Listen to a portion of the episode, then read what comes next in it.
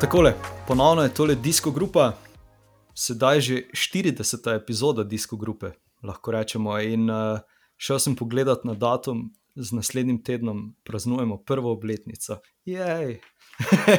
Zdravo vse. Zdravo, čau. Um, ja, kot ponavadi, Blaž, kaj nas čaka danes, izvoli. Um, ja, noč, mislim, da imamo kar dosti materijala za tole četr, uh, 40. epizodo. Um, naši kolesarji, v bistvu, so na vseh koncih zelo dobro dirkali, tako da začeli bomo kar z tole Polancovo Lajgueljo, da je to bomo tej povedal, če sem tole prav izgovoril. Uh, pol pa uh, Strade Bjanke, ne, tam vemo, kaj je bilo. Uh, Pariznica, Tireno Adriatico, sta se danes, uh, oziroma Pariznica se je že včeraj začela, danes Tireno. Um, pa malo bomo za naprej pogledali, kaj nas čaka v tem tednu, pa če bo kaj časa, mogoče še kakšno besedo v teh dirkah malo niže kategorije, ki so tudi naši kolesarji oziroma naše ekipe vozile. Res je, res je. Matej je pravilno rekel, Blaž. Nimam pojma. sem šel pred, preden smo začeli tole snemati, sem šel prav pogled. Mislim, da je Lajguelja, da se je izgovoril. No. Jaz, je, je, jaz si tudi ponavadi eh, grem pogledat, pa ko sem sam, pa si ponavljam, je vedno full super, gre ko pa snemamo, pa vederije kvasi. Poznam to. Ja.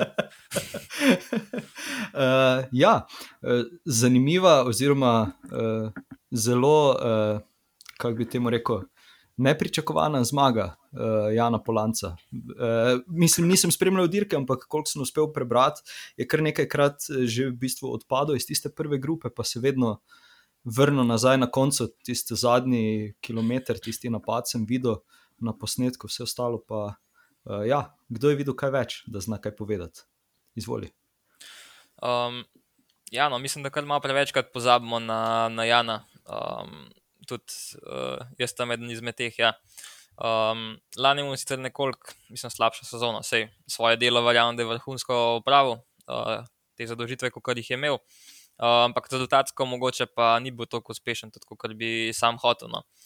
Um, je pa on v bistvu za njega značilen ta zelo uh, borben stil vožnje, um, zelo agresiven, um, že v teh časih, ki je vozil, recimo v Savi, pa potem tudi pri Radenski, je bila takrat še. Uh, že takrat se je v bistvu boril se skozi nek zmer, je spustil, pa ujel, pa skočil, pa so ga ujeli, pa je spustil spet. To je ta njegov stil značilen in um, tukaj se mu v bistvu to um, zelo dobro poplačalo. Ne? Ker mogoče, um, mislim, da je bil Lorenzo Rota tisti italijan, ki je bil iz uh, Wantija. Um, da um, ga niti ni pričakoval, da se jim bo priključil zadnji, in uh, ga je zato malo presenetil, malo je bil še zaprt in je v bistvu izkoristil šanso. Ne. Imel je dva svoja kolesarja zadnji in ga pač nista šla loviti, in to je bila pa dobitna kombinacija. V bistvu dirka je bila zmagana v tisti eni sekundi. Um, in mogel pa v bistvu samo še do, do cilja odpeljati. Uh, kaj se pa prej dogaja, lih cele dirke, nis, nisem pogledal, uh, če mogoče odvaju dveh, ve kdo kaj več. Mislim, da sploh ni bilo prenosa ne, na GCN-u, a se motim, nisem ga Ja. našel. Ja, Ne, res ga ni bilo. Res Ti cycling vedno obstaja. Ne? Jaz sem si potem neki italijanski uh, posnetek pogledal, um, uh, samo highlight. kako. Ja, no, tako tam, ko se je on, on je v bistvu izkoristil uh, Karlosa Rodrigeza uh, iz Ineosa, ki ga je potegnil nazaj do grupe um, za Juzom Kovijem in Lorencem Rota. Um, in je v bistvu naredil, po mojem, točno tisto, kar je treba narediti v takem primeru. Se pravi, izvedel je nek kontranapad, pa po mojem, da niti ne toliko zmislil, da lahko dejansko zmaga, ampak je v bistvu um, s tem prisilil Roto in Rodrigeza, da lovita ne, in pripravil teren za Juza in Kovja, ampak potem je bil pač enostavno premočen za vse in, in je zmagal. Ne vem, jaz tako vidim no, zadevo. Um, uh, sem pa tudi jaz, seveda, blazno vesel. No. Um, ja, no, jaz sem pa pogledal še v bistvu par kilometrov prej, kaj se je dogajalo, v bistvu potem, ko je Polan spustil.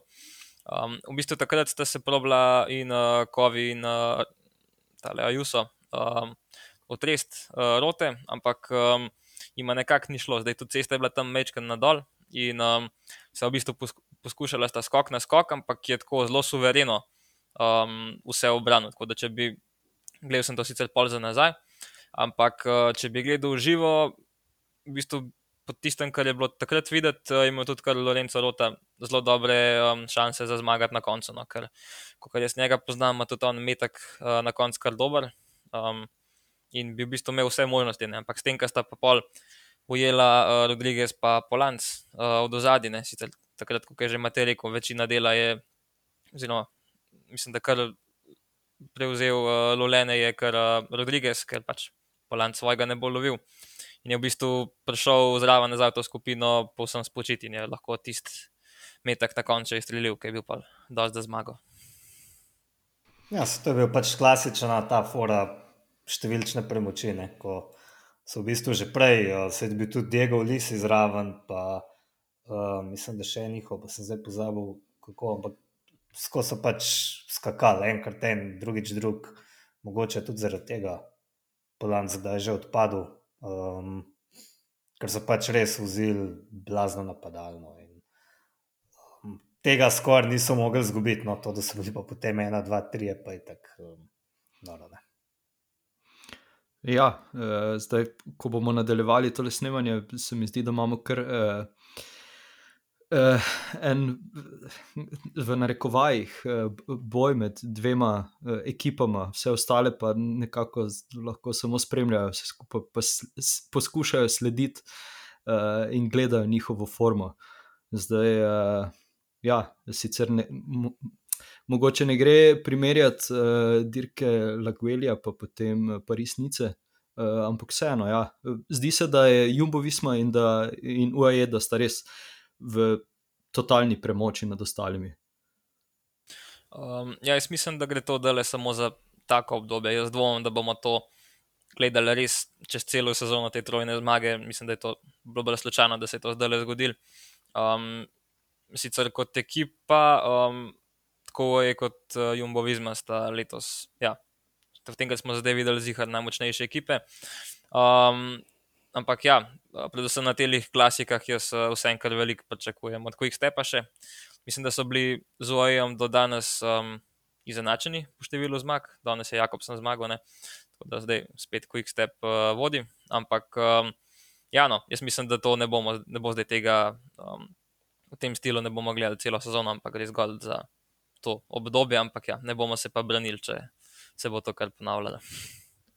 Ja, pa po mojem, tudi ta, to, jaz se popolnoma strinjam v tem smislu, da to sta najmočnejši ekipi, uh, ko govorimo o večtedenskih dirkah, uh, pri klasikah, zagotovo. Uh, nikakor ne gre od, uh, odšteti um, vsaj Quick Stepa, če ne še koga drugega. Predvsem pa te dve trojni zmagi, vsaj po mojem mnenju, je to sta bile res neke izjeme um, niti vsaj na resnici, niti približno, verjetno tempirana, uh, ampak izkoristili so ta trenutek in ja, uh, letos tudi vse okrepitve, ko so prišle, predvsem pri Jumbo Vismi, lahko rečem za Laporta, tudi za Denisa, uh, so res se izkazale. Um, UAE pa tudi, predvsem bolj načrtno so zbirali pomočnike in definitivno bomo se lahko samo veselimo, kaj bo, kaj bo na Grand Tourih ker mislim, da bomo res dobili neke uh, res dobre bitke, no? predvsem v gorah. Um, ja, zdaj, eh, ko si že omenil klasike, pa vse to, um, strade Bianke, uh, kaj tukaj rečemo? Ok, 50 km napad Tadeja, to je to, hvala lepa, nasvidenje. ni ja, bilo samo to, ni bilo samo to, izvoli blaž. um, ja, um, klasika, ja, nažalost, monument še ne, ampak jaz mislim, da bi mogel biti no, zdaj. Ja, se, kaj, pa, kaj pa dirko naredi monument? Ne? Ja, okay. mislim, neki kriteriji najbrž so, ampak o tem bo Matej zdaj več povedal.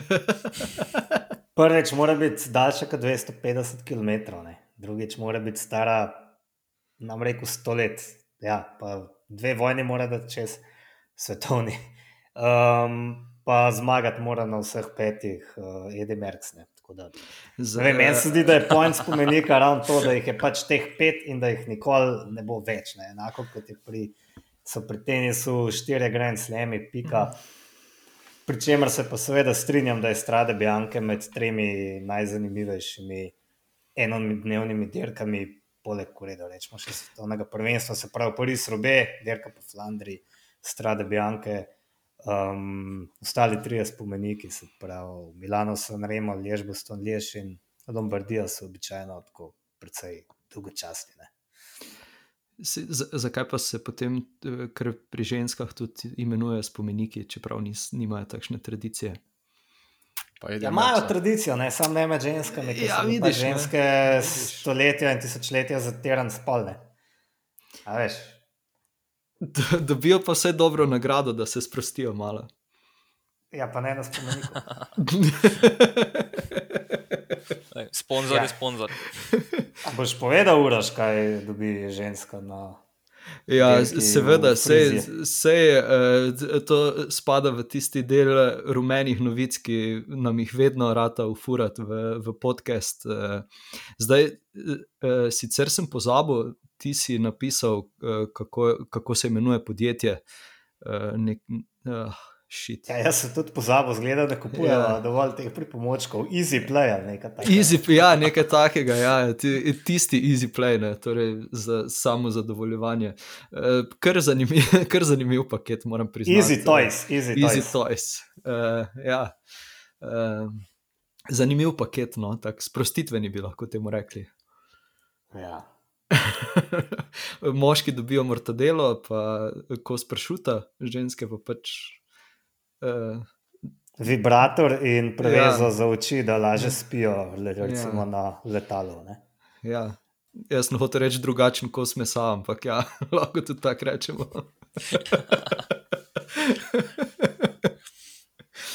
um, ja. Ja, gremo nazaj na resne stvari. Ja, gremo, gremo raje. Gremo raje. um, torej, ja, uh, takoj, ko je, takoj, ko se je štartal prenos na GCN, se je zgodil tisti hud padec, eh, tista salta Juliana ali Filipa. Um, mislim, da v prvih petih sekundah prenosa, da se je zgodil ravno tisti padec. Uh, pa, mislim, grdo, da se smejem, ampak res je, uh, res je naredil popolno salto, moramo, moramo mu dati kapo dol. Uh, izvoli, Blaž, nekaj si želel povedati. Um, ja, no, v bistvu na tako le zapiha veter strani.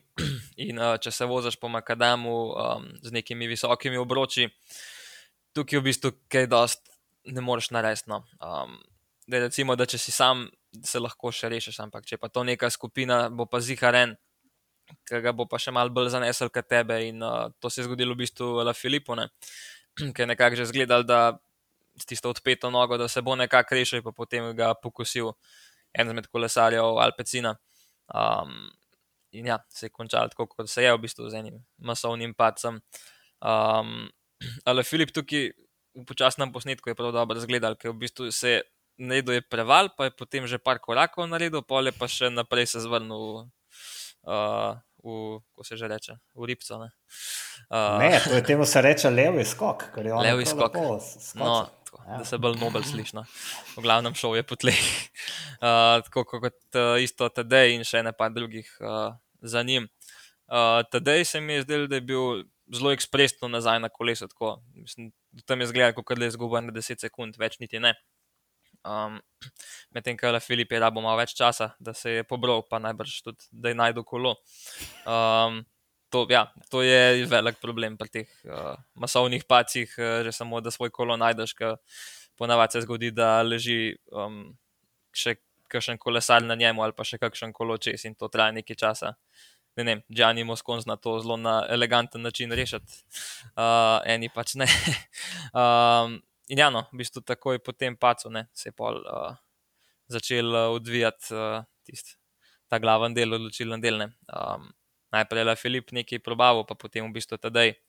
Um, niti ni, kot se spomnim, niti ni dvignil niti iz sedeža, v bistvu se je samo, je samo pritisnil, se je odpeljal. Um, pole pa v bistvu šlo, no ne vem. Uh, škoda, mislim, škoda. Um, zanimivo bi bilo, če bi Rodriguez mogoče reagiral malo prej, da bi šla potem skupaj um, složno, bolj ali manj uh, naprej. Me zanima, kje bi potem Rodriguez končal. Sicer mislim, da tedaj ali v zaključku ne bi mogel premagati, ampak uh, mi je pa tak simpatičen kolesar, mislim, da bi imel kar prvoščil tisto drugo mesto na, na taki dirki. No. Tako da ja, pa predajam besedo še komu drugemu.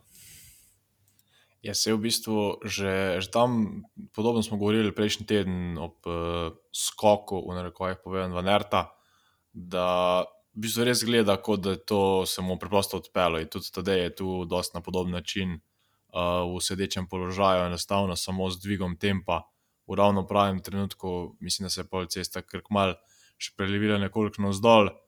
Um, vemo, da na Makedamo je to, ta stvar še toliko bolj zahtevna in odlično je izkoristil te stvari. In tudi v komentarjih po sami dirki je rekel, da je precej presenečen tudi meni se je dejansko zdelo na ta način, da pravzaprav nihče ni šel takoj za njim. Um, glede na to, da vemo, kdo to je, uh, vsaj za moje pojme, je to neki. Um, si ne morem predstavljati, v bistvu, da res ni bil to nek klanec, nek skok, ampak enostavno očitno ta tempo bil prehud. Uh, Rodriguez je šel potem za njim, z Rodriguezom smo že na začetku sezone, mislim, da na dirki po Valenciji, rekli, da je bil kar v dobri formi in ja, dokazuje, da, mm, da bo zraven. Um, potem pa v nadaljevanju, pa ja, tudi je odpeljal odlično, vseh 50 km. Um, prišla sta mu, recimo, nekoliko bliže, um, Valverde in pa predvsem Asgren, ampak še vedno, ko rečemo to nekoliko bliže, sta razpolovila, njegova prednost pa je še vedno ta, mislim, da najmanj 50 sekund znašala. Tako da nek, ni bilo, mislim, da vsaj z mojega vidika, nekega straha, da bi te upošljali oči, da bi ga lahko ujeli. In mislim, da je to bila ena bolj prepričljivih zmag na, na Starde Bianke. Um, ja, v bistvu tukaj v tej situaciji, kot se je tedaj znašel, um, je kaj pa ti v bistvu tukaj drugega preostane. No? Zdaj, um, če boš pač videl, da, je, da imaš za ne, 50 metrov razlike, pa ko pogledaš nazaj, kaj boš naredil, se boš pač ustavil. Ne? Mislim, kdo lahko drug bi se lahko mogoče, ampak pač on si tega nekako ne more prvočiti, ker bi pač izpadel. Ne? Ko se temu lepo reče, ne pač pusti, če bi izpadel. ja, to no. Um, tako da mu tukaj kaj drugega ni preostalo. Um, in pol se je pač odpeljal, tako kot se pač on zna. Um, ja, mi je pa nekako um, res mi je všeč, da je na koncu še uh, Starfoter prišel do, do drugega mesta. Uh, popravil svoj najboljši rezultat na, na tej dirki. Mislim, da je bil zdaj že nekajkrat tretji, dvakrat tretji. Dvakrat je bil tretji, ampak to še ni bi bila World Tour derka. Aha, ja, ja. ja. Tako da to je kar njegov, po mojem, delač največji dosežek na tej dirki. Ja, no, jaz, jaz upam, da bo on dvakrat razmišljal o tej upokojitvi. No. Um, da si bo mogoče vzel še malo časa za premislek, ker potem, kar je zdaj pokazal, še zmeraj prvi kolesar, Movi Starja, uh, z veliko razliko. Um, tako da, ja, no, uh, imel tedaj na koncu čil, v cilju uh, še dosti časa za proslavljati, čeprav tisti, ta zadnjo špico je odpeljal še kar na polno, je kar konkretno še stisku. Um, Dol je še uh, roko, potisnite zadnjim klancem uh, Mihu Koncili, njegovemu prvemu trenerju. Se mi je tudi zdel en tak lep moment. Uh, kot prvo to, da je bil sploh dosti pri sebi, da ga je opazil. Uh, drugo pa še to, da mu je roko dal. Zdaj, uh, bral sem po, po Twitterju predvsem, ne, da uh, da je morda kdo mislil, da zdaj, kdo je ta navijač, da ga bo še s kolesa skladil, ampak pač uh, ni, bilo, ni, bilo, ni bilo tukaj tako. No. Sta oba vedela, zakaj se gre. Ja, zdaj, eh, zdaj ne vem, ali Blaž rekel ali Martin, v glavnem, eh, kako to, da doben do ni šel za njim. Ne. Vseeno je bilo to še 50 km do cilja. Eh, Marsi kaj bi se lahko zgodilo. Eh, eh, mogoče so tudi računali na karkoli drugega, da se bo zgodilo, je pa tudi tedaj se mi zdi, kar konkretno. Uh, No, basal se zageli, uh, pa, pa si zagotovil uh, energijo do, do, konca, do konca dirke. Um, ja, mislim, da dejansko ni kaj dodati. Uh, dejstvo je, da, da uh, pff, ja, kapo dol. Mislim, da ga niso prijeli zaradi tega, ker ga niso mogli. Ne? In mene je predvsem presenetilo, kako je tistih prvih par uvinkov na spustu odpeljal. To ni hec, to, to, to je šlo zelo smrt. On je čez celo cesto šel. Um, drugi mislim, da niso pomislili, da bi mu sploh probal slediti, ker um, po prvič povedano, um desen novink, sem jaz že mislil, da bo zletel česne.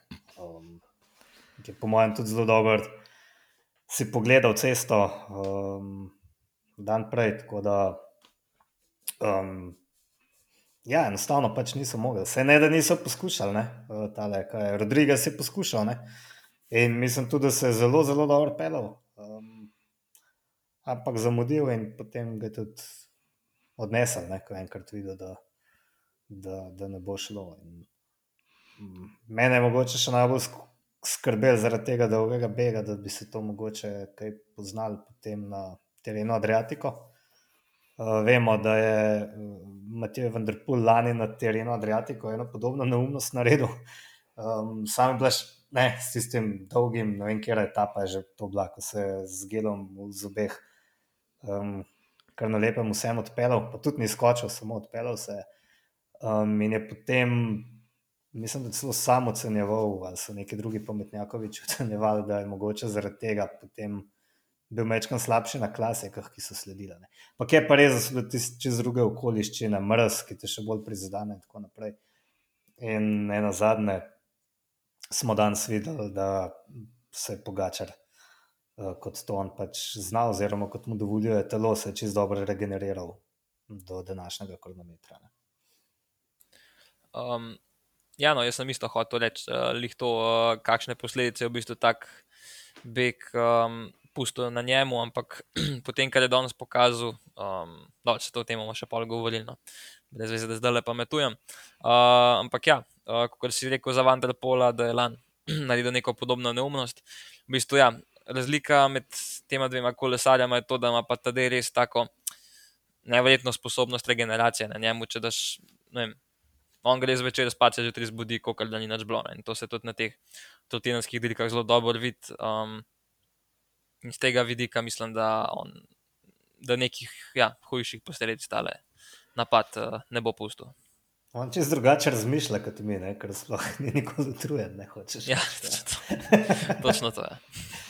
Um, ja, jaz se bom zdaj še malenkost navezal uh, s tistim desnim ovinkom, ki si ga omenil, Matej, da je pa tako na nož ovinke malo tudi uh, Lotko Peki, uh, ki je zmagala žensko edicijo Strade Bianke. Predvsem ja. zelo pametno, bi se rekel. Um, ja, zadnji... ah, prvi tvoj komentar pa je bil. Uh, ne kot pametno, Mislim, kot ne, uh, ja, v smislu, v smislu, v smislu prepovedano. Za moje pojme, prljavo, mislim, mislim, da bi moj izraz prljavo. Uh, in to še vedno ustrajam pri tem, ampak to, da neki prljavo, ne pomeni, da ni bilo pametno. Tudi sama je v intervjuju rekla, da si je Orang dobro pogledala sam zaključek, točno je vedela, da mora biti tudi na tistem mestu prva. Um, videli smo po tistem klancu, kjer je se je Van Floydna že nekoliko odpeljala pa sta potem bili res kar močno bitko za tisto, tisti položaj, kdo bo v zadnjem, v bistvu desni zavoj, um, kjer bo prišla prva. Ja, um, predvsej, predvsej bi jaz temu rekel, zaprta je bila uh, Van Floydnova v tistem trenutku in ja, 200, 200 metr, manj kot 200 metrov pred ciljem, uh, imaš 20 metrov zaostanka, pa pravzaprav hitrost pade. Na, na par kilometrov na uro, in nekako ne ne mogoče položaj, ampak ja, um, zdaj. Zagotovo ni bilo nič eh, prepovedanega o tem, ni bilo niti stika, ni bilo nič. Ampak ja, odlično odpeljano, res mislim, da je tu prišlo do izraza uh, odlično poznavanje um, same trase, samega zaključka in pa na koncu koncev tudi močne noge, da je tam v tistem zaključku, ko so se v bistvu borile nekaj časa, peljale tudi ena zraven druge, dobesedno za borile za to zadnjo pozicijo in ja, zanesljiva, zmaga, mislim, zanesljiva zmaga, definitivno zaslužena. Ja, Matej, bi ti še kaj dodal? Ja, mislim, jaz sem vesel, da um, njene zmage za to, da ker je kazalno po umlu phetnu zblad, da ima Anemik van Fluten um, eno nogo, mislim, eno predstavo več. Um, tokrat pač ni šlo, ne da ni delovala najmočnejša na derki, mogoče celo bila najmočnejša. Um, ampak se je soočila pač z moštvom SD Works, ne? moštvom, ženstvom, ekipo SD Works, uh, ki v bistvu derka na podoben način kot The Koenig Quick Step, samo da je po mojem še mečkan bolj. Um, da ima mečkan več prednosti. No? Več, tukaj bi lahko zmagali, tudi sešli Mulmen, Pasijo, pa um, kdo je bil še zraven. Temi Volering, no vse zadnje, mogoče še Talman, Brook, Black. Um, in so pač, ja, skakale, bile zelo aktivne. A na Mikva na Floridan pa pač ima to smolo, da običajno ostane v takih zaključkih sama. Uh, tako kot tudi um, Marijane Vos, ki so nekateri šteli za glavno favoritijo. Mislim, da pa v GSN oziroma Eurošport, ampak na prvi dirki v sezoni enostavno se je videl, no, da, da težko sledi, večkrat je bilo na odstrelu. Um, in to je pa v bistvu to, ne. Mogoče spomenimo, da je spet, eh, kar si ne ve, domi, večkrat zmanjkalo, to, kar je bila sicer četrta. Pri njej imam vedno ta občutek, da večkrat preveč uh, v zanosu derka, uh, troši energijo tam, kjer ne bi bilo treba. Um, Drugače pa je, no, vsekakor, dosti bolj um, zanimiva dirka kot moška. Um, kar je v bistvu kar dosto običajno uh, v kolesarstvu, da so ženske dirke um, bolj take. Um, ja, pač bolj zanimive, bolj neodločene, več se dogaja. Priporočam, no, da se večkrat gleda žensko kolesarstvo. Zdaj, vmes sem se spomnil, uh, kako je šlo po Urški. Uh, namreč Urška Žigart je tudi prišla na štartno listo, sicer uh, čisto po naključju, ne vem zaradi česa točno. Uh, Ena druga ja. kolesarka je zbolela, se mi zdi. Ja, nekaj takšnega. Ja. Uh, Ali ja. poškodovana, nisem zihana. A vemo, mogoče. Jaz priznam, da nisem. Ne, ne, ne, mislim, ne, da ni prišla do cilja. Ni končala aha, okay. in jaz aha, okay. mislim, da je tudi kar dosti zoprn, če ti zadnji trenutek zveš, da bo šel na strade Bjanka, ker je pa to res tako um, specifično. Da. Specifična derka, da mogoče si misliš, da ja, pa se raj ne bi šel. Tukaj, tukaj mislim, da ne gre nobenemu kolesarju ali pa kolesarki za zmed, če take dirke ne končajo. Za robe isto velja, isto je pač tukaj. No. Ja, mogoče ja, je še omeniti, da, da, da tudi Matej Mohorič eh, žal ni končal dirke in pa tudi ni mogel danes eh, štartati terena Adriatika zaradi uh, poškodbe kolena. Ja, tako da meni javo je, ker to koleno bilo kar grdo za videti. Je potem um, vedno uporabni Jan Tratnik skočil na snega za terena Adriatika. Ja. Uh, ki pa se je tudi na vse zadnje izkazal na stradi Bjanke, če ne z drugim, uh, z tem, da je bil ob uh, pe Pelju Bilbao, ja, uh, ki mu je odstopil kolo, ko je imel defekt. Ja. Uh, čeprav, kolikor, kolikor je zapisal, je upal na, na dober rezultat, ker se je dobro počutil, ampak ja. Uh, no, se je Pelju Bilbao, je spet ne. Um, bil peti na koncu. Me je spet presenetil, ne. Pa spet je bil tam, ko je vedno. Ja.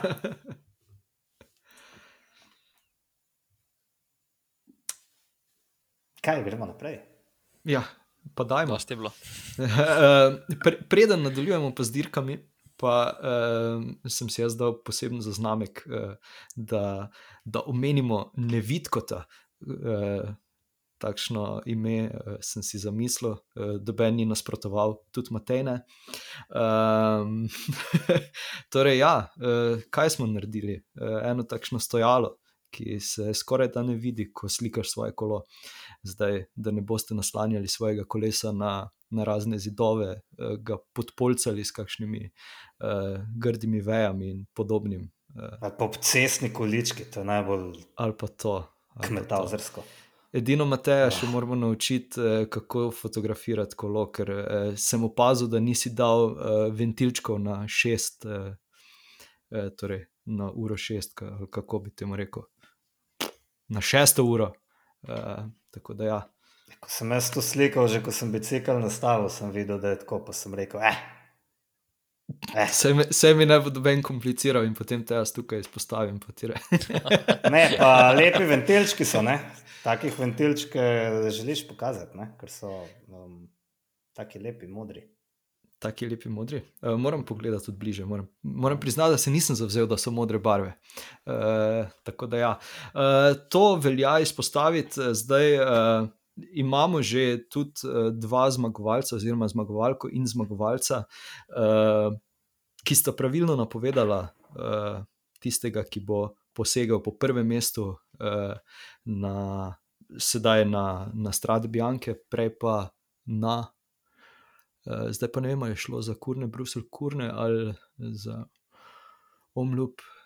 A, nič ne de, v glavnem. Mislim, eh, Onlup. Omlup. ne.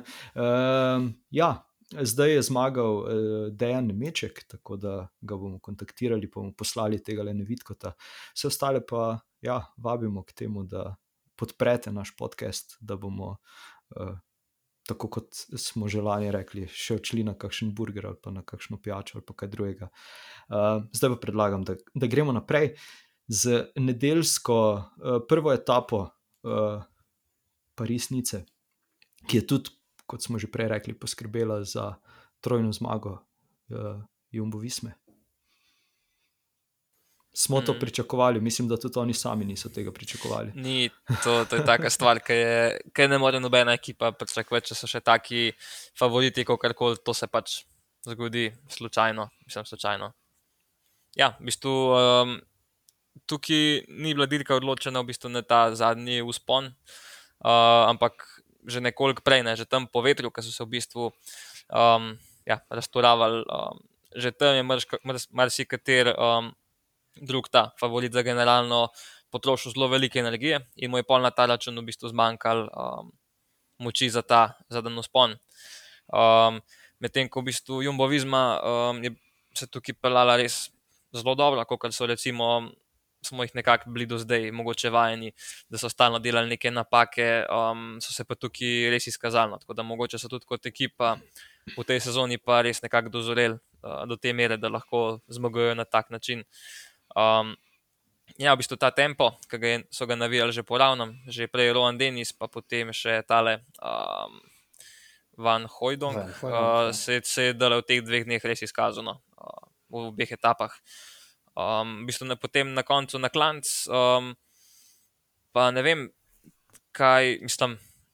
Kakšni so bili tukaj njihovi cilji? Zdaj, um, najbrž so hoteli, uh, da do cilja pride neka manjša skupina, pa da se utrese mogoče kakšnega favorita za generalni seštevek, ampak na koncu so v bistvu utresali kar uh, vseh. Še najdalj časa je zdržal Zdenek Štibar. Um, ampak ja, nekaj mu je na koncu potem tudi zmanjkalo, tudi takrat je že um, tega le francoza. Uh, Laport. Laport, ja, um, ga je že malo pobil, pa potem, ko je videl, da tudi Zdenek Štibar nekako popušča, je še tisti metek pokuril, da je prišel zraven, da so se potem v bistvu odpeljali in odvozili en ekipan krono um, do, v bistvu do cilja. Zdaj, kdo je tukaj največ delal prav, bi jaz rekel, da vse en kar Van Art. Uh, Laport se mi je zdaj tukaj že kar potrošen, uh, je pa tudi Rogliča pokazal, da, da forma je, da v bistvu tiste, tiste rezultate iz tistih manjših dirk, ki jih je vozil prej, da, niso, da nas ni, um, ni rabilo skrbeti zaradi tega. No, tako da, um, iz mojega vidika, um, če ne bojo neki res svetovno zasrali, ta dirka lahko rečemo, da že zmagana. No. Ja. Ja, jaz mislim, da je čisto očitno, kaj so tukaj poskušali narediti. Pač znebiti se Fabija Jakobsena, pa ne vem, kakšnega uh, Sema Beneta, um, ker v tem primeru pač je jasno, da zmaga Valt van Ert. Um, je pa najbrž zelo presenečen, ko so ugotovili, da ni držal recimo niti Adam Jajc. ne. On je bil, mislim, da spredaj, ker se je že kar luknja delala. Um, in potem pač, ja, spet greš do konca, ne, kaj pa hočeš. Uh, to, da so Laporta pustili zmagati, je sploh krasno. Prvič, dobrodošlica ekipi. Um, on še ni zmagal v World Tour dirke uh, do zdaj, to je bila njegova prva. In se mi zdi tudi simpatično, kako menjava ekipe. Um, pozitivno vpliva na nekatere. Ne? Na lepem pri Jumbovizmi je on. To je dokazal že na kurne Brusa Kurne. Uh, na lepem je postal kolesar, ki lahko zmaguje.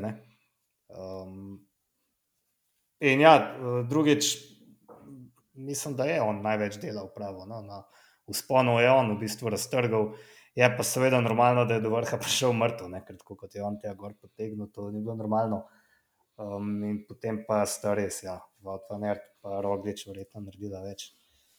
Mogoče še to omenimo, da je Roglič dirkal v dolgih hlačah. Z nogavicami, z nogavicami čez hlačnice, danes spet. Ja. Ne vem, kaj mu je, zgleda res grozen, ampak se mi zdi, da je tudi um, en tak message vsem. Poglejte, oblečem se za na trening in vse en resturam. Mene je to kar zabavalo. Moram reči, da so se včeraj ene pet minut smejali, no, ko sem gledal, kako so se odpeljali. To je res. Pač, ne vem, jaz sem tudi na Twitter napisal, to je tako, da v futbolu zmagaš 10-0 ali pa ne vem, v smuku za sekundo pa pol pred vsemi. Ne. To je tako noro. Mislim, da se je marsikdo sprašval, kaj so na robe naredili. Ne? Ja, po mojem, mislim, v, predvsem v tisti, ko smo se prej pogovarjali o tem, kdo je največ delal pravo, um, zagotovo, mogoče po dolžini časa, ki so ga preživeli na, na čelu, ni bil lapor tisti, ampak po tisti vlogi, konec koncev je naredil glavno razliko, prvo um, je zagotovo tudi, pa še recimo na tisti klanec. Um, zagotovo je potrošil največ moči in je bil kar vesel, da sta ga potem, um, če lahko rečemo, v Nerd in pa Primož peljala proti cilju, um, in na koncu za nagrado dobil še v bistvu etapo. Zdaj, kaj se je zgodilo v tistem trenutku, ko je Laport v bistvu potegnil, kar sem jaz videl, to je bilo v bistvu slabše postavljanje, ker so bili. Pred kapetani, rečemo, pa recimo, predvsem pred Adamom Jejcem, takrat še določeni lead-outi in tisti, ki so še ostali, recimo od nekoliko hitrejših kolesarjev, in je jec potem iz ozadja nekako prišel do, do čela, um, poskušal pokriti napad, ampak niti približno ni bil blizu. Um, potem smo še videli, mislim, da napad um, Guduje, oziroma enega z grupame, uh, da bi poskušal priti gor, ampak ja, tudi, tudi Štibar iz tiste četverice, ki je še bila spredaj, je kar kmalo odpadlo, in sami trije so se odpeljali naprej. Um, in potem, kot smo že omenili, odpeljali ta ekipni kronometer, ki, ki je izgledal res um, nekako smešno v teh trenutkih, ne spravi zaključek prve etape, ki naj načeloma ne bi bila um, tako odločilna, pa potem že tistih 20 sekund, oziroma nekoliko več jih je bilo vmes. Um, da, da nekaj vedeti o moči ekipe, čeprav je bilo mogoče to slučaj, ampak um, daleč od tega, da, bi, da ni bilo to načrtno. Ne? In se strinjam z Matejem, ko je prej rekel, da mislim, da bi bil predvsem prvi cilj oslabiti konkurenco, um, predvsem z desetkrat uh, šprinterske vrste. Um, vemo, da je bilo tista rampa ravno dovolj, da so ob pospeševanju že van Hojdonka uh, odpadali Grine Vegan in podobni šprinterji potem ko je pa pohodil še Laport, pa tudi, uh, nek, lahko rečemo, tudi tisti nekoliko uh, boljši kolesari, oziroma ki se bolje peljejo na klanec. Ja, od grupame mislim, da je Pierre Latour bil tisti, ki je poskusil. Uh... Totalen režis je on. Ja, Vse, on, on je šel za ja, zadnji. On je šel. Ja. Uh, drugače, presenetilo nas je, ko je odpadel uh, Sonic Olbreli, za katerega smo danes vedeli, da ima bronhitis ali nekaj podobnega temu. Um, drugače pa ja, se strinjam, da, da je tam prišlo malenkost do, do zmede, zato ker danes je ponovno bil Twitter poln uh, teh videov, ki so se večkrat predvajali. Um, tako da jim je predvsem to šlo na roko, da so zadaj, ne vem, nekaj so zaštrikali, ne? Ne, nekaj ni bilo ok. Uh, ne, se to je po mojem dobro opazil, Martin, ker um, Ja, najbrž noben je računal, da se bo to zgodilo, in pač šprinterski vlaki so že postavili svoje šprinterske vlake. Um, Ja, in, Naredili so pa točno to, kar radi naredijo določeni rekreativci na, na kakšnih rundah, ne, ko gre čez kakšen nadvoz. ja no, v bistvu res. Ja, v bistvu res. In te potem ti si trikrat boljši, ampak te je dobo na levi nogi in lahko sam še slikaš. ja. Mislim, da je to najboljša primerjava, ne, ko se, ko se Ja. ja. pelješ na kakšni rundi, pa ti kdo stisne spredaj, pa ješ govno. Zelo amatersko so izpadli v tem primeru. Ja. Uh, ja, tudi danes, eh, ko je ta pokrojil veter, je, je kar tudi šlo na nož, eh, vse skupaj. Vmes je že izgledalo, kot da bo dejansko eh, ostalo na tistih dveh minutah razlike, eh, pa se je potem vseeno malenkost bolj stabiliziralo vse. Uh, ampak ja, danes se niso mogli znebiti, uh, uh, kaj je že, Fabija Jakobsna, ki je na koncu zmagal. Um, ja, no, Jakobsen, mislim, oziroma celoten Quick Step, mislim, da je bil danes kar pripravljen na, na tak scenarij. Uh, v bistvu so že včeraj se vedeli, da bomo imeli praktično celo etapo veter iz strani. Um, tako da so nekako pričakovali to, najbrž kar vse ekipe zdaj ene so odreagirale malo boljš, druge malo slabš. Uh, Klej moramo omeniti Quinta, Quintano, ker, pač, ker je on meni drugače smotan, um, ampak kako se pa on na vetru znajde, vedno. Pač to je pa noro, že takrat na tisti ta prvi um, Rogličevi Welti, že takrat je bil točno tam, kaj je mogel biti.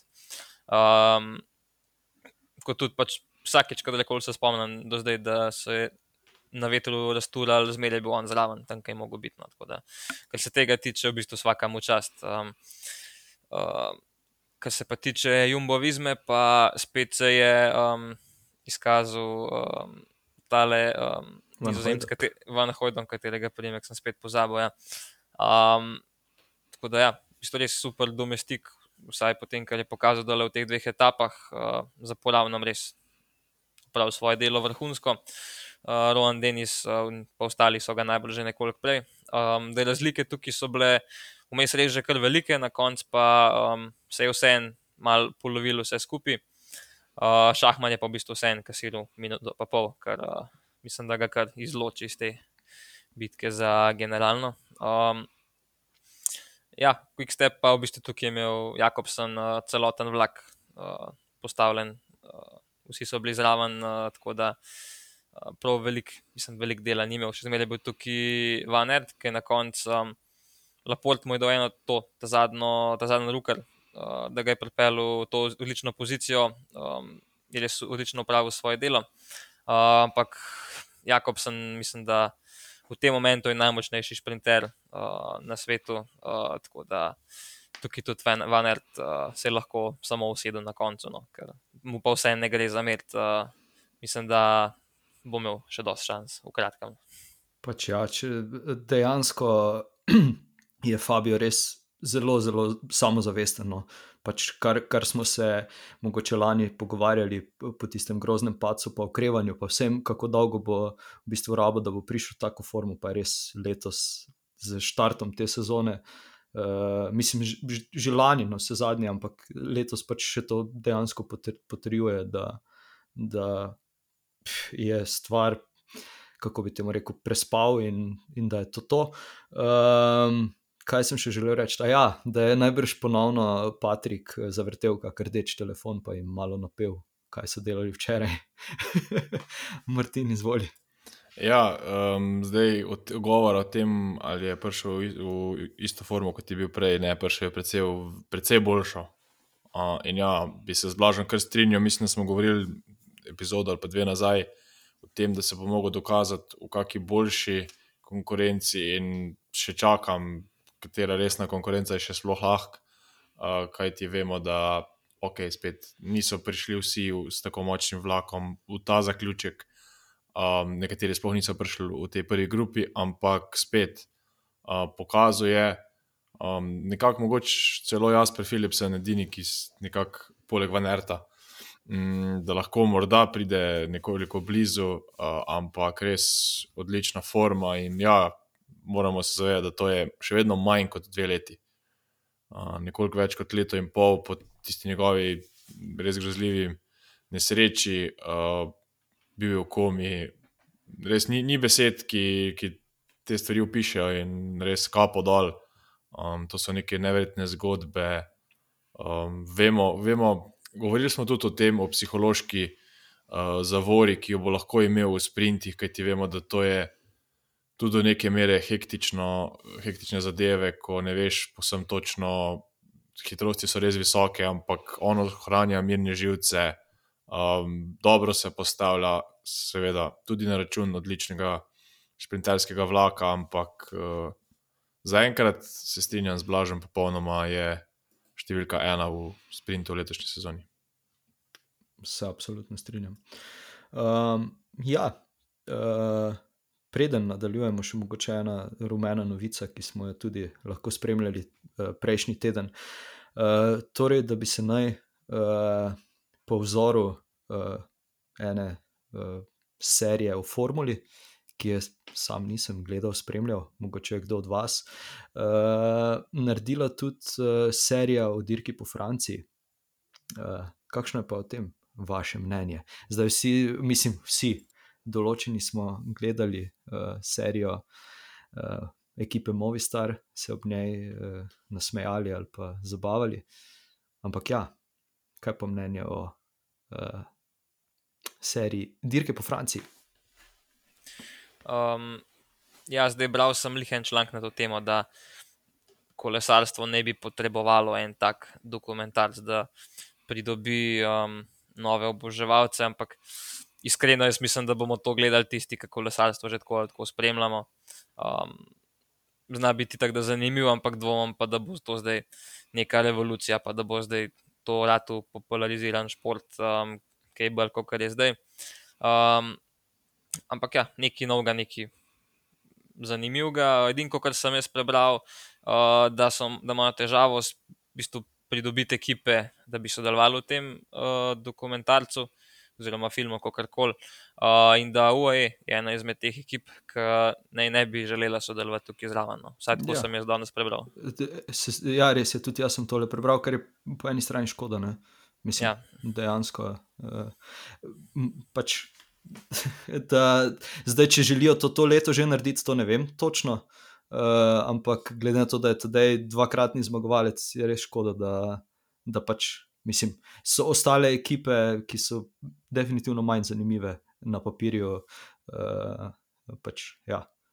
Matej, Kolikor Martin? vem, kolikor vem, ima težave se tudi zmeniti. Uh, koliko bo kdo zaslužil s tem? Ne? Seveda. Ja, Ker bi rad nekaj zaslužil, ASO, nekaj Netflix, nekaj ekipe. In jaz v bistvu čisto razumem ekipe, da si ne želijo še nekoga, ki okrog njih skače in drži in kaže, kaj se dogaja za kulisijo, kako se tam, ne vem, ali kregajo, ali objemajo, kar koli že počnejo. Um, verjamem pa, da to. Pardon, zdaj sem se spomnil na darila ženskih. Eh, pa, ja, ok, gremo dalje. tistega. ja. uh, um, tako da, ja, jaz bi razumel, da si to želijo, ne vem, Kofidis, pa še kakšna ekipa za UAE, Emirates, pa mislim, da res tega ne rabijo. Tudi, ne vem, če je sponzorjem to v nekem blaznem interesu. Kakorkoli. Kar se pa mene tiče, ne vem, jaz nisem zdaj totalno navdušen. Jaz gledam kolesarstvo zaradi tega, ker mi je všeč dirkanje, ker mi je všeč dogajanje na cesti, kaj se dogaja tam po hotelih, pa v avtobusih. Ne, da me ne zanima, ampak mislim, da to ni bistvo tega športa, ne tiste potem nek cirkus, reality show, kukanje v, spa, v spalnice. Jaz si bom Uh, pogledal ta Drive to Survive od formule, pa bom poskusil podati neko objektivno mnenje. Eh, Načeloma, Ja, ampak formula, slišal- formula ena je v osnovi svinsko dolgočasen šport. Ne? In ki ga še poleg tega, po mojem, nihče v resnici ne razume prav dobro, ne? ker je tako dosti zaprt. Noben mu ni jasno, kaj se točno Eh, dogaja. komentiramo kolesarstvo, mislim, da sem, glih, kar sem hotel reči, da to je komentar 90% kolegov, ki se pogovarjamo, točno s tem besedim bi mi opisali kolesarstvo. Noro, noro neumno, pa sploh ne vem, kaj delajo. Ja, ja. Pač dejstvo, to nismo zašli v najboljše vode. Se strinjam. Zakaj, zakaj prvi, če ni zmagal? No, vse, ja, pač okay. za te je še to. mogoče, za te ljudi je mogoče zanimivo, da bojo lahko, ne vem, gledali za kulise, ampak tudi dvomim, da je to za kulise tako blazno zanimivo tem ljudem, da bi zdaj dol padel. Mislim. Pa še za igra, jaz mislim, da je tudi, vemo, da je Jumbo Visma je snemala svoj dokumentarni film. Um, tam so imeli škarje in platno v rokah, da so ga lahko prikrojili, kolikor so ga hoteli. Movie Star, mogoče glede na to vse, kar so pokazali, niso imeli čisto vseh škarij in platna, da očne stvari ne bi hoteli pokazati, ampak so tudi uh, spravili neke tirnice. Zdaj, tako, tako smo rekli, na no, to se po mojem vsi strinjamo, da čist. V, na trotedenski dirki, sploh tako pomembni kot je tur, sploh če se gre to za kandidata za generalno razvrstitev, res ne rabi imeti še ene uh, dodatnega nekega stresorja oziroma nekaj podobnega. Vemo, da tisti, ki nosi rumeno majico, ima že tako ali tako dost uh, drugih obveznosti, od dodatnih doping kontrol do novinarskih eh, vprašanj in vsega tega, spremljajo ga pravzaprav noč in dan, zdaj a bo še nekdo s kamero zraven njega uh, ob posli ga čakal zjutraj, ko se bo zbudil. Mislim, da si to res ne potrebujejo, tudi vemo, da z finančnega vidika ekipa UAE tega ne potrebuje, tako kot je Matej rekel, določene ekipe, predvsej bolj. Pa sej, in... um, če, zdaj, če gre verjeti Twitterju in seveda vsem ostalim, mislim, da gre za nekih 60 tisoč evrov uh, kompenzacije za, za snemanje oziroma dovoljenje nekaj takega. Ne. Tako da ja, pač pri toliko milijonskem proračunu je teh 60 evrov res. Če verjetno kdo od kolesarjev plača za to, da ima mirno. Ja, 60 evrov. Ja, dejansko. Ampak ja, uh, bomo videli, ne? pustimo se presenetiti. Uh, danes je bila uh, prva etapa, oziroma otvoritveni kronometer uh, na dirki Tireno Adriatico. Um, Tadej, kot smo že prej omenili, je bil odličen tretji, zmagal je nepresenetljivo Filipo Gana. Uh, Se ne vem, kdo je bil na drugem mestu. A ja, ha, Remko. to bila provokacija. Zdaj. Ne, ne, za trenutek sem pozabil, blaž izvoli. ja, evo, končno dolgo pričakovanje obračun med uh, Remkom in Pogačarjem, ki mislim, da uh, nekaj dosti pokazal, vsaj razlike so take, da uh, se lahko izničijo v tako kratkem času, da sploh vedel namo. Um, ja, Gana v bistvu pričakovano zdaj, če, če bi si ga ja ni. Um, je nekako zmagovalec, kar znano. Um, ampak po drugi strani pa Rimko sploh ni bil tako daleč um, za njegovo konstitucijo, ne koliko je razlika v kilah med njima dvema. Sploh ne vem. Mislim, da, mislim, da ima Gana okoli 80 kg, če sem prav videl.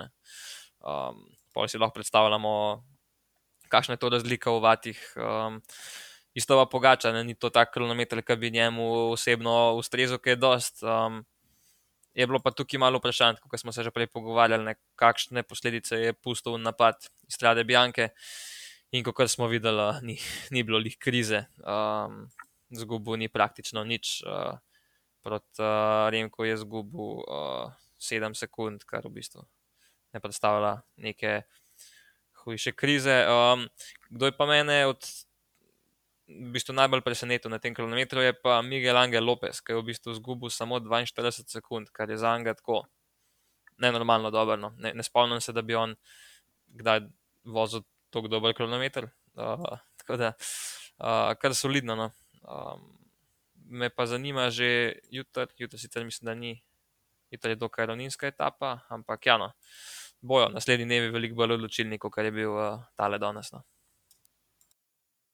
tudi jaz sem gledal glih prej, glih prej te, te stvari, ko si omenil Lopeza. On je v bistvu prišel dve sekundi pred, mislim, dve sekundi manj je potreboval kot pa recimo Eduardo Fini in pa Nelson Oliveira, ki vemo, da sta specialista za vožnjo na čas, sploh tako ravninsko, kaj ti danes vemo, da je bilo to ravno, da bolj ravno ne more biti. In tu Lopez res ni uh, specialist po svoji konstituciji, ki jo je Blaž omenil, je res danes odpeljal nek odličen kronometer. Ja, uh, če se bo še na klancu tako dobro upeljal, potem bo morda celo on, vsaj za mene, uh, bolj nevaren kot pa Remko. Um, ja, no, če pa mogoče Lopes presenetil, je pa kolesar, ki je pa danes najbolj razočaral. Mislim, da kar uh, Jonas Vingegaard, ki je končal na uh, 27. mestu in sicer s 53 sekundami zaostanka. No, uh, da um, mislim, da bo še mogel loviti tisto formo iz, iz Tura, oziroma, kot je rekel, pač slab dan. Uh, tudi, uh, tistem intervjuju, ki ga je imel po takoj podirki, imaš tudi novinar, kar konkretno na živce. Uh, tako da uh, zgleda, da je sam slab dan. No. Ampak uh, bo očitno mogel voziti malo bolj agresivno, če bo hotel na te dirki še, še kaj pokazati. Uh, ja, zdaj sem se spomnil, da je Matej še rekel, da ima eno zanimivo anekdoto uh, o današnjem četrtem mestu na ja, Parisnici. Ja, zdaj že menjne. Ja, ni, ne, ni, mislim. Ni, če smem. Um, ja, Luka Mezgac se ful dobro znajde v takih etapah, v trovnih. Ne? Že drugi je bil na dirki po Omanski Arabi, Saudi Tour. Te dve tudi jaz vedno mešam. Ja, pač tam dol nekje. Um, je bil drugi, tokrat pač uh, četrti, jaz sem mu napisal danes še vedno boš biti četrti, kot spet drugi. Prav, ja, ha, ha.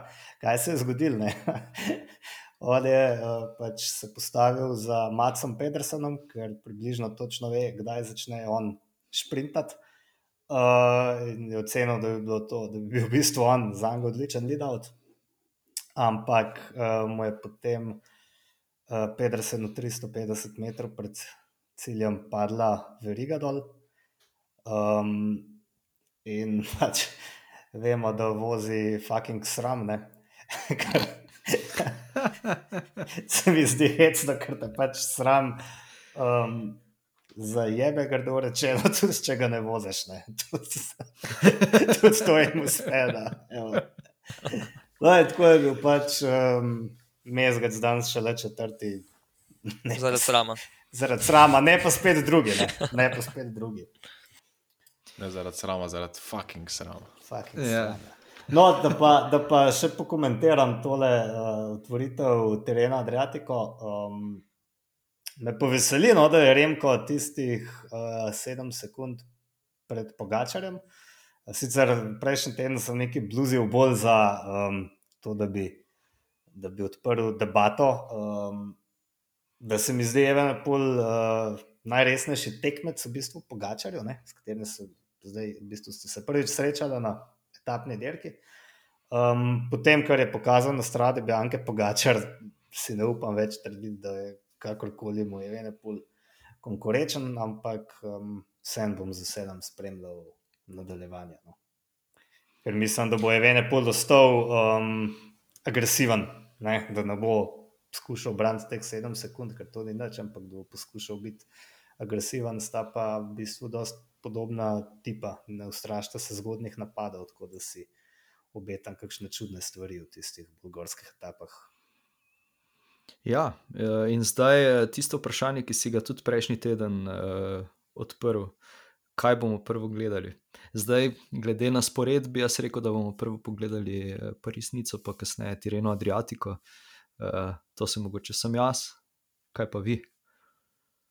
Jaz ti po pravici povem, da danes te Reno Adriatiko sploh nisem gledal, ker mi je časa zmanjkalo, ampak glede na to, da je kronometer, uh, pogledaš, mm -hmm. kakšni so rezultati, pa če je kdo padel in to, to je to, da ne zamudiš nič. Blaž Martin. Um, ja, danes sem jaz. Uh... Eden izmed redkih dnevov, ko sem lahko tole oboje užival pogledu. Um, Ponavadi sem tudi jaz nekje na kolesu, tak čas. Uh, Tako da ja, bom, nekaj, bom za nazaj pogledal, um, kaj bom pa prvo pogledal, pa ne vem. Um, Ko kar pade, no, nisem zdaj, nimam nekega sistema, kaj je več vredno kot drugo, ampak pač, ko kar pade, pade.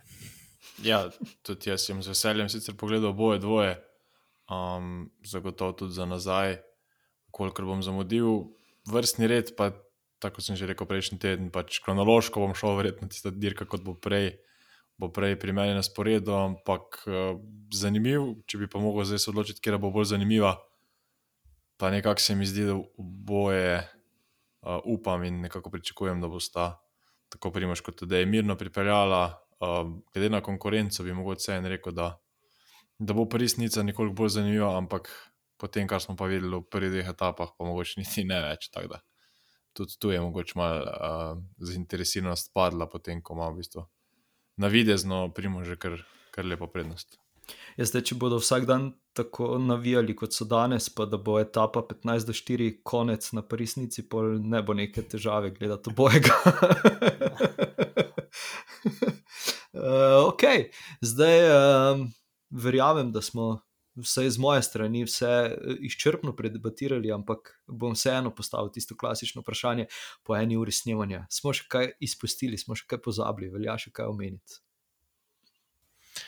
Um, ja, mogoče lahko na hitro sam uh, še preletimo te istrske klasike. Um, mislim, da je fair, da tudi uh, slovenskim kolesarjem, tudi tistim, ki ne vozijo proti turu, namenimo kakšno besedo. Um, ja, v bistvu odprla se sezona tudi teh uh, klasik v uh, Istri, kjer um, nastopajo kolesari uh, slovenskih klubov. Um, v bistvu se je vse skupaj začelo v Poreču. Um, ne, pardon, sorry, v Umagu, Umagu je bila ta prva. Uh, en tak, dosta uh, ravninski krok, če temu lahko rečemo tako. Uh, ni bilo kaj dosti višincev, ponavadi, načeloma se je tukaj zmeraj uh, končalo sprintom skupine.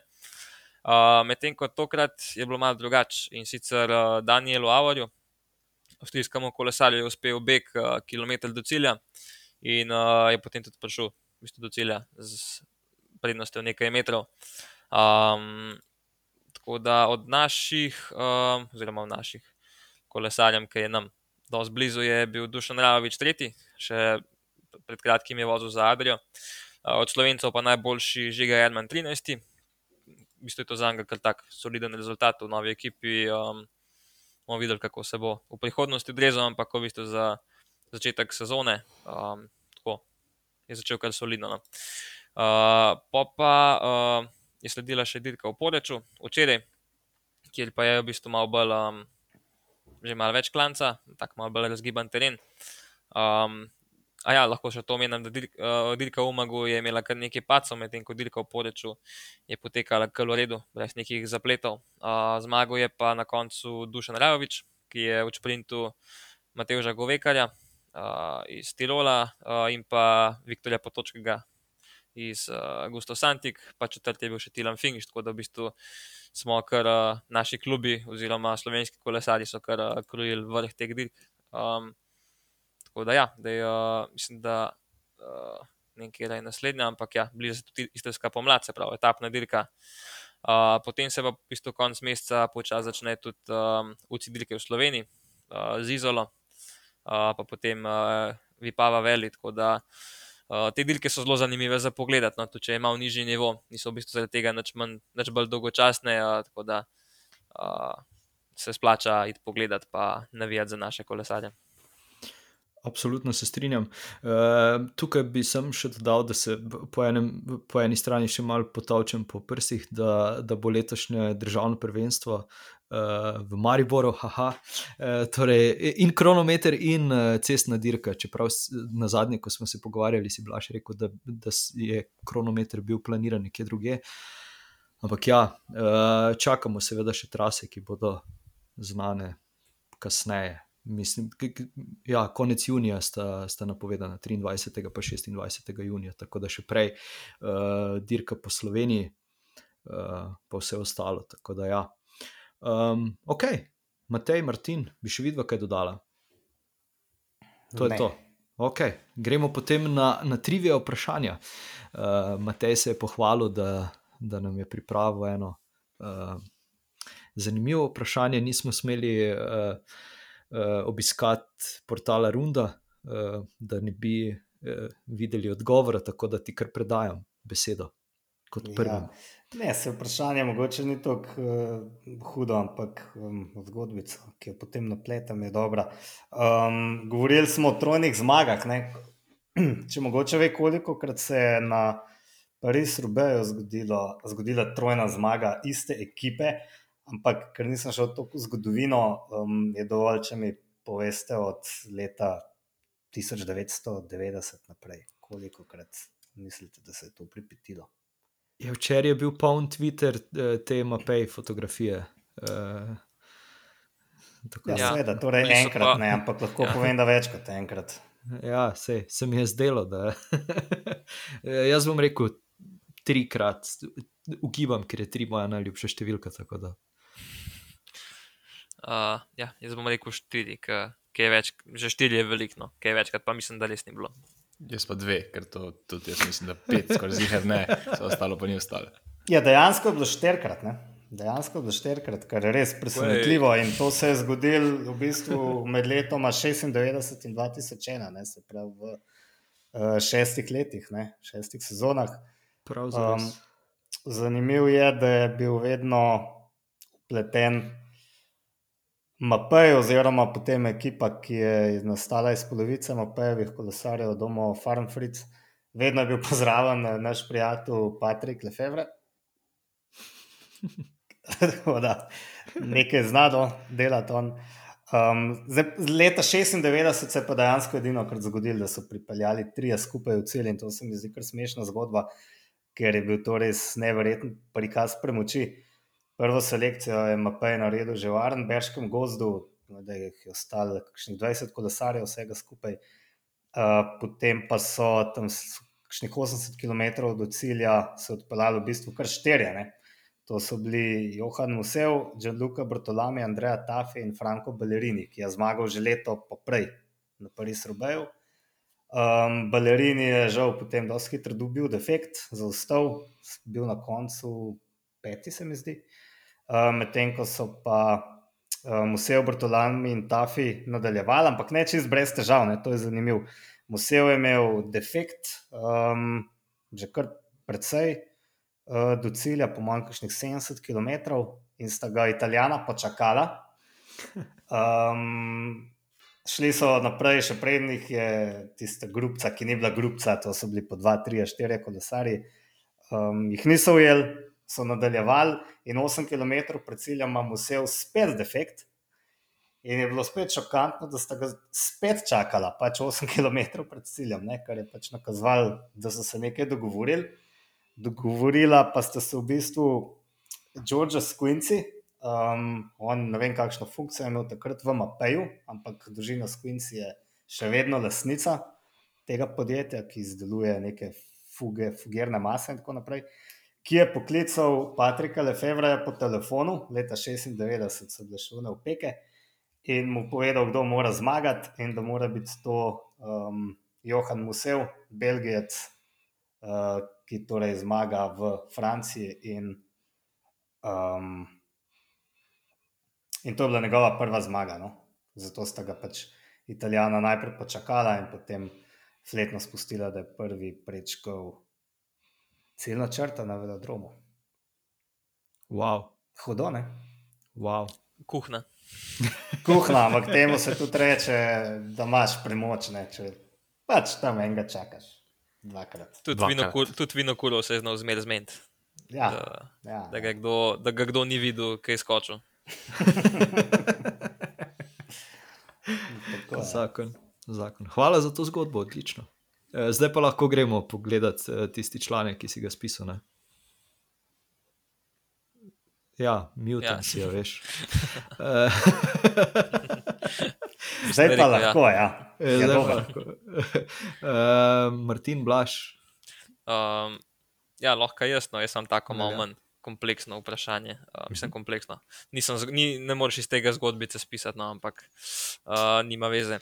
Um, ja, no, uh, zdaj imamo v bistvu prve te dve večje enotedenske dirke, tudi v Evropi. Um, pa me zanima pred dobo uh, Primoža Rogliča in Tadeja Pogačarja, uh, kdo je po v bistvu na teh dveh dirkah v generalnem seštevku nosil najboljši rezultat. Se pravi, če ne štejemo um, Rogliča pa Pogačarja, kdo pa kdaj pa, kjer je bil, ajde, vsaj, vsaj nekaj od tega, če kdo ve. Ja, jaz bi sicer rekel špilak, sam vem, da bi on bolj kasneje v sezoni tudi precej uspešen. Ampak vseeno bi nekako se za njega odločil. Ja, še kdo drug? Se, jaz ne upam, sploh. Um, ne vem, pojma nimam. tudi jaz ne bom ugibal. Uh, no, ja, imel Martin prav, to je bil kar uh, Simon Špilak. Um, na Pariznica je 2015 osvojil tretje mesto, generalnem seštevku. Uh, na Tirenu uh, pa je 2017 osvojil 11. mesto. Sicer tega leta je bil tudi uh, Primoš Raglič uh, četrti, tako da v bistvu uh, to malo tako, malo uh, zmuteno, ampak ja, uh, če, ne, če ne štejemo teh dveh, je on nosil uh, najboljši rezultat. No. Kul, cool, super, zakon. Uh, ja, se, se mi je zdelo, da je kaj okrog njega, ker sem mislim, da danes na MMC obral članek, kjer je bil to omenjen. Ja. Martin, izvoli. Um, jaz sem pa mal bil presenečen nad pač to razliko, ki je bila na Strade Bjanke, ker vemo, da predvsem v zadnjih letih um, so razlike na splošno na klasikah, vseh teh velikih, nekoliko manjše. Pa me zanima, kdaj pa koliko bi rekli, da je bila največja razlika ki je bila na Strade Bjanke med prvim in drugim kolesarjem. Mislim, da je letos. Ali letos naštejemo? Ali ne, letos, od, od, od začetka do letos. letos. Ja, isto rečem, da je bil triki, da je triki question tole, pa da je bilo to letos. Mislim, da je bilo letos tole. Ja. Matej. Ma jaz pa mislim, da je bil blok daj včasih, ko je ko se še reče, da je ko je kančelara dirkal. In ja, dejansko, tudi jaz, mislim, da tri, tudi jaz sem mislil, da je tricky question, ampak dejansko je bilo to leta 2012, ko je kančelara um, zmagal. In sicer je drugo vrščenega Maksima Iglinskega premagal za 42 sekund, kar je pravzaprav pičlih 5 sekund več kot pa letos uh, Tadej Valverde na koncu. Je pa res, da tudi Tadej letos ni bil drugi, druga največja razlika, ampak je leta 2018 Tiž Beno Bardeja premagal za 39 sekund, tako da um, je v bistvu bila Tadejova, uh, oziroma letošnja razlika, tretja največja. Oh, ok, ok. Jaz bi skoraj roko dal v ogen, da je bilo letos, ampak ok. Um, ja, zdaj moje vprašanje je ko sem ga pripravljal, sem se spomnil, da sem že lani v prvi epizodi pometoval o resnici, pa o njeni zgodovini, pa vsem tem. Uh, pa vem, da te stvari lani nisem vprašal oziroma povedal. Uh, in me zanima, pač, ok, ima dolgo tradicijo, različne izvedbe so bile in vse, ampak uh, v določenem času, tam v 60-ih letih, uh, ni potekala samo od uh, Pariza do Nice. Pa me zanima, če mogoče kdo ve, katero mesto je bilo še zraven upleteno.